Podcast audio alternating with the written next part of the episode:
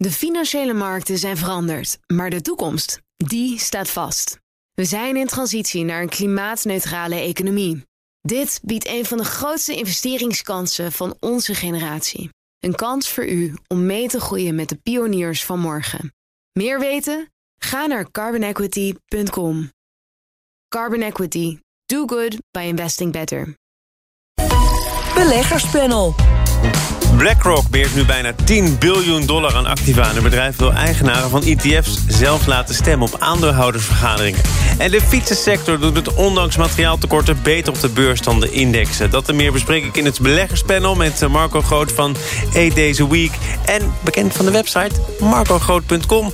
Koen Bender is er ook van Mercurius Vermogensbeheer. Heren, fijn dat jullie er zijn. Met allereerst jullie laatste transactie. Flow Traders, begrijp ik, Marco? Ja, heel goed. Voorkennis, dat mag gewoon in dit panel.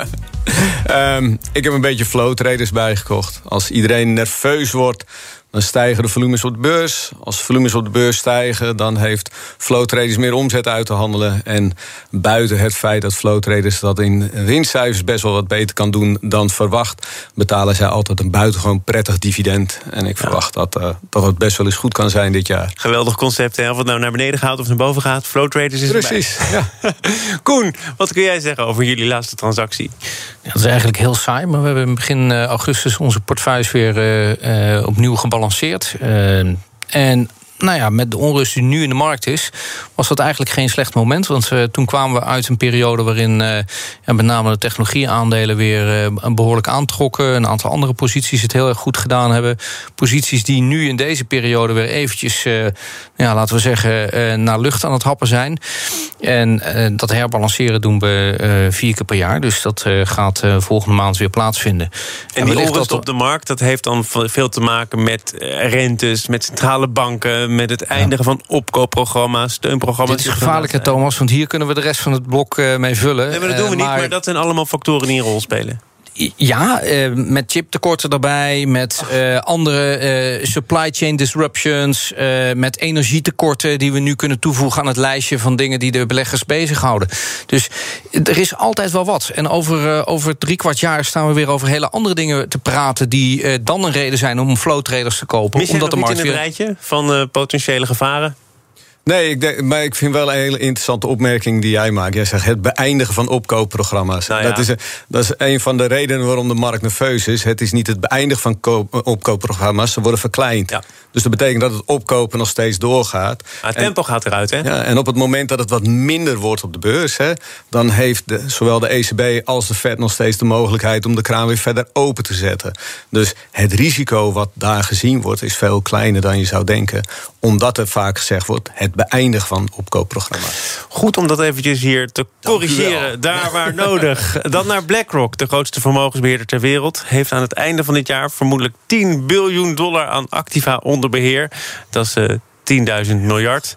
Bijna net zoveel als alle hedge funds en private equity op aarde onder beheer hebben. Financial Times kroonde daarom de topman Larry Fink alvast tot koning van Wall Street. Is hij dat, Marco? Ja, een beetje wel. Hè. Ik, zou, ik zou heel graag nee willen zeggen, maar de man is zo invloedrijk. Ik bedoel, hij werd in 2008 door de Fed ook gevraagd om te helpen bij het oplossen van de, van de almachtige kredietcrisis. Um, Aladdin, wat onder BlackRock valt, moeten we het echt even over hebben. Nou, dat mag nu. Um, en BlackRock is niet alleen Larry Fink, hè. het is een piramide van buitengewoon invloedrijk. Uh... Maar wat is Aladdin? Want dat is vrij bepalend voor hoe BlackRock kan opereren. Ja, Aladdin is een is een risicomanagement- en vermogensbeheersysteem. Um, waarmee een pensioenfonds, een verzekeraar, een treasury. Uh, afdeling van een groot bedrijf zelf kan bedenken hoe zij hun strategie invullen. op basis van indicatoren die door Aladdin aangeleverd worden. In combinatie met het feit dat je daar al je regulatory informatie uit kan halen. Je risicomanagement systemen. Dus eigenlijk is het, het de IT-oplossing of de fintech-oplossing voor pensioenfondsen, et cetera. Nou, Aladdin neemt het over, begrijp ik. Ja, maar vergeet niet, hè, of, uh, weet het, BlackRock is de grootste vermogensbeheerder ter wereld. Maar Vanguard, nummer twee ter wereld, gebruikt Aladdin als risico- en asset management systeem. Dat doet ook um, Apple en dat doet Google ook. Dus Aladdin is heel groot. Wanneer wordt een bedrijf uh, te groot? Ehm, ja, dat weet ik niet. Dat is uh, history will tell. Uh, ik denk dat wat Larry Fink gedaan heeft... hij is vroeger zijn carrière een keer goed op zijn bek gegaan. ik denk dat dat hem geholpen heeft in zijn, zijn lessen die hij daarna geleerd heeft. dat wil niet zeggen dat hij daarna foutloos is geweest. Absoluut niet. Maar hij heeft een aantal dingen wel heel slim gezien. Hij is op een bepaalde manier een entrepreneurial banker geweest. Hij heeft op een heel mooi moment heeft hij iShares gekocht.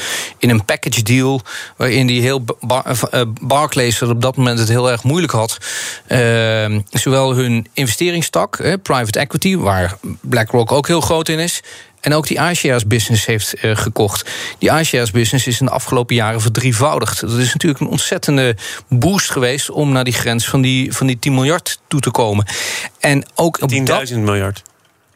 Ja, whatever. De grootste, eh, eh, duizend ons allemaal. Heel veel geld. De grootste van iedereen. Hij is groter dan. Vroeger keek iedereen op tegen Goldman Sachs. inmiddels worden zij Government Sachs genoemd, omdat ze groter zijn dan wie dan ook.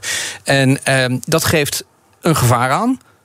Tegelijkertijd geeft dat ook aan dat zij dingen kunnen doen die anderen niet kunnen. Hoeveel krijgen ze dan gedaan? Want Larry Fink ken ik ook omdat hij ieder jaar een brief stuurt, een beruchte brief met allemaal nobele kwesties. Nou Inclusie, klimaat, diversiteit, ongelijkheid. Vinden ze allemaal heel erg belangrijk. En er zijn altijd mensen die eens goed gaan kijken in die hele grote portefeuille. En dan blijkt dat er allemaal. Ja, maar weet je. En Koen, ik kijk jullie ook aan. Dat daar ook allemaal rommel in zit. Natuurlijk. Ja, eerst of ik. Nou, ga jij maar eerst.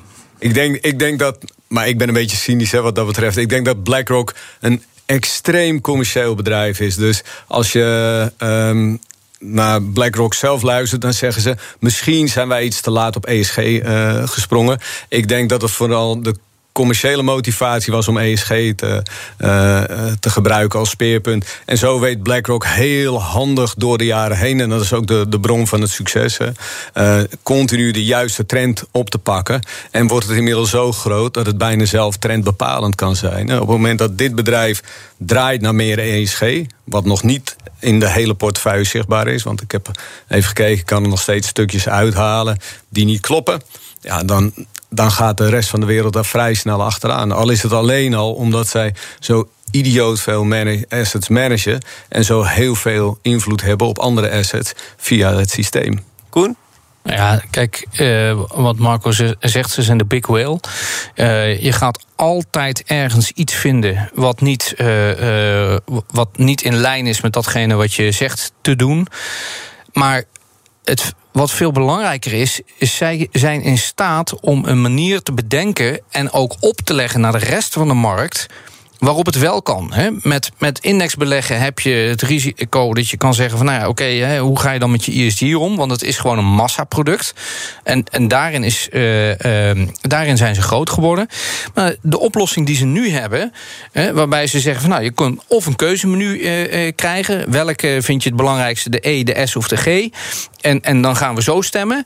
Of je kan het zelf bepalen, maar dan is het iets duurder. Of we doen er niks aan. Ja, dat is, dat is wel de eerste stap. Wat jij, wat, jij, wat je aanhaalt, vanaf 1 januari volgend jaar kunnen institutionele investeerders die index beleggen, die dus een mandje hebben bij BlackRock, zelf gaan stemmen op de aandeelhoudersvergaderingen van bedrijven die ze hebben gekocht in een index. Ja.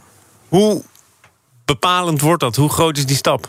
Nou ja, dat is een eerste stap. Maar net zoals dat ze nu, uh, we zijn het, ik ben het getal vergeten, maar de grootste van de wereld zijn. Toen ze begonnen in 1989 waren ze een van de kleinere partijen. En hoe zijn ze daar gekomen? Door die stappen wel te zetten. Als je die stappen niet zet en achterover blijft leunen en niks doet, dan gebeurt er ook niks. Dus het, uh, ja, er is heel veel kritiek te vergeven op Larry Flink. En ik, ik wil hem ook zeker niet ophemelen. Maar ik vind dat de, de, de het kompas in beweging als je die eerste stap zet. En dat doen ze wel. Even terug naar dat uh, indexbeleggen voor institutionele beleggers... die nu mhm. zelf hun stem mogen laten horen op de aandeelhoudersvergaderingen. Wat gaat dat teweeg brengen? Ja, ik denk dat het heel belangrijk is. De, de, de assets under management zijn 3% van assets in de wereld. Hè. En in een idee te geven, in Nederland managen ze nu 300 miljard van de 2000 miljard die door ons alle Nederlanders belegd is. Dus een enorme invloed. Alleen, oh, sorry, enorme assets under management. Alleen de invloed die aan die, uh, die assets verbonden zijn, worden nu niet gebruikt. En dat gaat nu wel gebeuren. BlackRock had zelf in hun eigen fonds bijvoorbeeld ook een belang in, in Exxon. En die hebben wel voor Engine One gestemd. Hè? Dus de, de, de rebellerende uh, hedge fund uh, managers die uh, de groene zetels in de boord daar hebben uh, veroverd. Die kracht kan veel groter worden op het moment dat andere aandeelhouders meestemmen. En het is heel belangrijk dat bij BlackRock niet BlackRock stemt namens de, de fund owners, maar dat de eigenaar van de asset zelf uh, stemmen. En dat wordt nu opengesteld. Maar was dat Absoluut. niet het hele idee van indexbeleggen om het uh, veilig te doen en efficiënt in de markt? Is, en, en, en ja, maar dat, heeft, dat heeft ook nadelen. Ja? Uh, als je alleen maar met de trein gaat, dan moet je dus de last mile moet je op een andere manier zien te overbruggen. Met een auto heb je dat niet. indexbeleggen is veel meer die grote flow. Maar dat betekent ook dat je concessies moet doen. En een van die concessies wordt nu ja, makkelijker te overbruggen. Het is drempelverlagend wat er nu gebeurt. Nu kan een pensioenfonds niet meer zeggen... wij willen voor de goedkoopste kosten gaan... en dus kunnen we niet meer aan dat uh, eh, ESG-verhaal voldoen. Nee, over anderhalf jaar zijn alle pensioenfondsen die niet luisteren naar een pensioengerechtigde op dit gebied en een ESG-mogelijkheid aanbieden, die hebben boter op hun hoofd. En dat betekent dat bij een, eh, een, vergadering van Shell in de toekomst Mark van Baal misschien nog wel op veel meer steun kan gaan rekenen. Dat zijn de veranderingen die ten grondslag liggen aan, dit, uh, uh, aan, aan deze eerste stap. En er is, ja, het is de big elephant die dit mogelijk maakt door het te doen. Amen ja, ik, ik, kan niet anders zeggen dan dat ik, het, dat ik het mooi vind dat die mogelijkheid nu gegeven wordt. Hè. Dus heel veel kleine stemmen maken ook één grote. We gaan uh, naar uh, Tetter. BNR Nieuwsradio. Zaken doen. Thomas van Zeil. Het beleggerspanel is te gast Marco Groot van uh, Eight Days Week, de consultant... en ook bekend van de website marcogroot.com. Koen Bender is er ook van Mercurius Vermogensbeheer. En de cryptomunt Tether wordt gebruikt als reservevaluta in de crypto-industrie. Maar het is onduidelijk waar de miljarden dollars zijn... die de munt stabiel moeten houden. Bloomberg heeft uitvoerig onderzoek gedaan, daar ook een lang artikel over geschreven. Geen dollar kunnen vinden. Even voor de duidelijkheid, uh, hoe werkt zo'n stable coin, uh, Marco? Want daar zijn die dollars wel bikkelhard voor nodig. Ja. Een stablecoin heeft meerdere functies. Um, dus um, een van de belangrijkste functies is, is dat op het moment dat je op een platform handelt waarin je geen conventionele valuta kan parkeren. Dat je altijd je bitcoin weer terug kan vertalen naar stablecoin. En vanuit je stablecoin weer door kan handelen naar Ether of Ethereum, et cetera. Of Dogecoin, die andere fantastische dingen. Um, en het zorgt ervoor dat je makkelijker tussen platformen kan handelen, waardoor arbitrage makkelijker wordt. De bedoeling is eigenlijk dat het gecorreleerd is, dus gepakt is aan een conventionele valuta. 99 van de 100 keer gaat het hier om de dollar. En dat je altijd je ene dollar kan inwisselen voor je ene stablecoin. In die situatie ga je er dan vanuit dat er net zoveel stablecoins zijn als conventionele valuta. En dat bleek in het geval van Tether niet helemaal juist ja, te zijn. Het zou, het zou dan moeten gaan om 69 miljard dollar aan Tether-munten en aan dollars. Ja. en als je er dan uh, geen op een ordentelijke wijze kunt vinden... Uh, gaan dan de alarmbellen af? Nou, ja, dat, maar goed, twee jaar. Ik heb vanochtend toevallig even naar een uh, tutorial op YouTube gekeken. Ik denk dat ik redelijk weet hoe, hoe dit werkt, maar meer naar cynische opmerkingen van eerder dan, dan de laatste maanden. En ik kon twee jaar geleden al, uh, filmpjes al terugvinden van twee jaar geleden... waarin mensen de structuur van Tether uitleggen... en tegelijkertijd uh, twijfel, twijfelen over de kwaliteit van de manier waarop het bedrijf in elkaar zit. En dat is nu dus eigenlijk sinds begin dit jaar ter sprake gekomen. En Bloomberg is er nu wat dieper ingedoken. Nou, in hoeverre zou je je zorgen moeten maken als je in Tether zit? Nou ja, um, kijk, als, als er wordt gezegd dat iets uh, werkt op een manier waarop het een soort van goudstandaard is. En vervolgens is het goud er niet. Ja, dat lijkt me wel zorgelijk. En uh, ik, ik zou me erin willen verdiepen. Maar ik denk dat ik te weinig tijd heb om het te snappen. Ik ga het namelijk. Die hele crypto-wereld is voor mij toch uh, ja, te moeilijk te bevatten. Um, Zou meer regulering jou over een drempel heen kunnen zorgen? Want daar wordt nu ook over gesproken. Nou, Jan Jellen heeft daar onder andere iets over gezegd. Heel uh, simpel. voor mij, een valuta wordt pas een valuta als je er ook mee kan betalen. Ja? Thomas, wanneer zou jij willen dat BNR jouw salaris in cryptomunten overmaakt? Hangt een beetje van de koers af. Nee, maar ook wat je er morgen mee kan lijkt mij een antwoord. Volgens mij is daar gisteren ook een doorbraak in geweest. Maar uh, er wordt natuurlijk ook in ja. El Salvador betaald met bitcoins. Maar goed, dat is nou. allemaal heel erg in de pilotfase, zou je kunnen zeggen. Uh, is dat welke criterium je moet hanteren? Zolang ik er niet mee kan betalen, moet ik het eigenlijk ook niet serieus nemen? ik, denk, ik denk dat je er twee dingen mee moet kunnen betalen. En dat is belasting en kroketten. En uh, als dat alle twee niet lukt, dan is het nog niet geland in, in de werkelijke maatschappij. Dit is een, een ecosysteem wat helemaal op zichzelf staat. Jij zegt net, wil je in Tether zitten? Je zit niet in Tether, je zit in, in die hele melee van cryptomunten. En ik heb geprobeerd om van helemaal projecten, hè, want we noemen het projecten, we noemen het geen munten, uh, hè, waar IT-systemen achter zitten of toekomstige oplossingen. Ik ben er best diep ingedoken en ik heb, ik heb het nog niet echt kunnen vinden. Een enkele wel, maar ik denk dat het uh, 99 van de 100 internetbedrijven waren in eind jaren 90 hadden geen bestaansrecht. En die zie je nu ook niet meer terug. Een enkeling bestaat nog. Ik denk van al die cryptomunten die er nu zijn, of van al die crypto-projecten, dat er over, over een paar jaar nog maar een enkele overeind staat en echt iets toevoegt aan de wereld waar nu, nu in maar goed, in, in, de staat New York zag ik voorbij komen, wordt nu gerechtelijk afgedwongen dat uh, Tether gaat uh, rapporteren, periodiek over solvabiliteit, over dekkingspercentages. Mm -hmm. Los je dan een deel van het mysterie op? Nou, het interessante is dat op het moment dat een munt op die manier gereguleerd wordt, is hij niet meer gedecentraliseerd en is het dus geen crypto meer.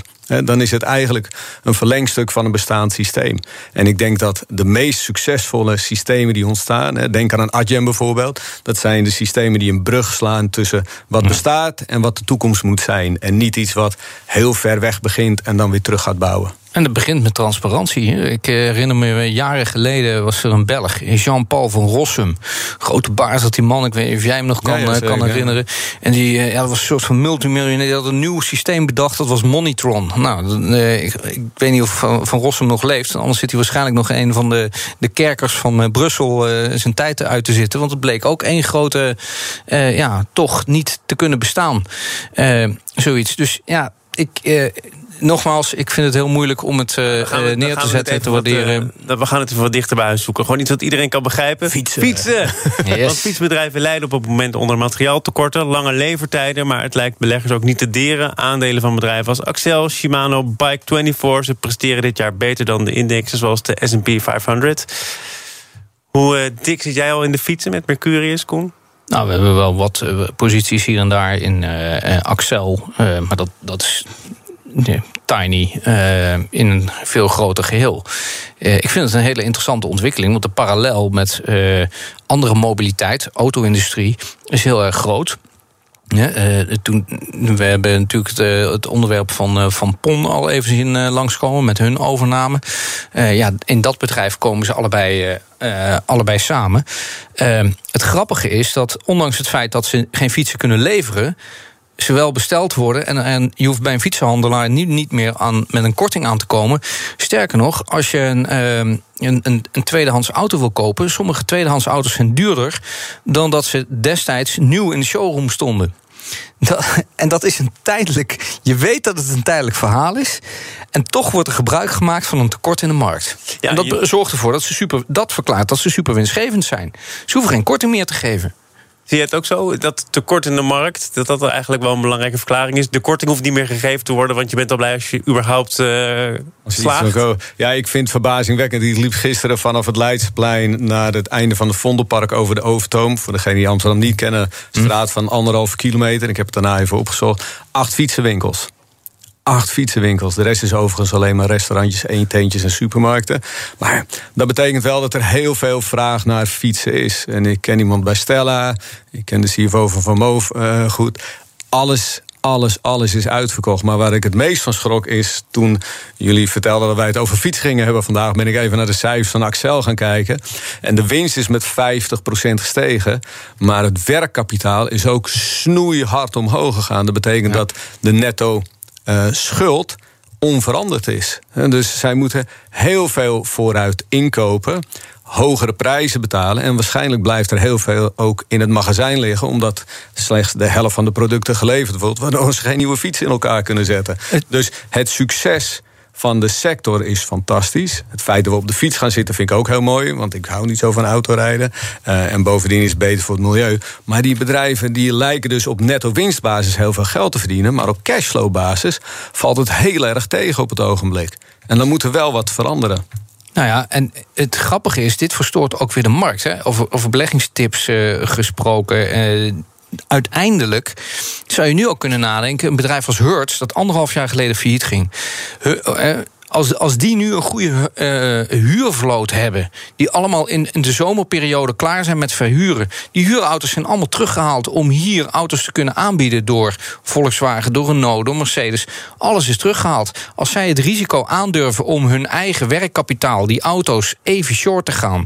Te zeggen, jongens, wij denken dat dit een tijdelijke disruptie is. En dat straks die productielijnen wel weer gaan lopen.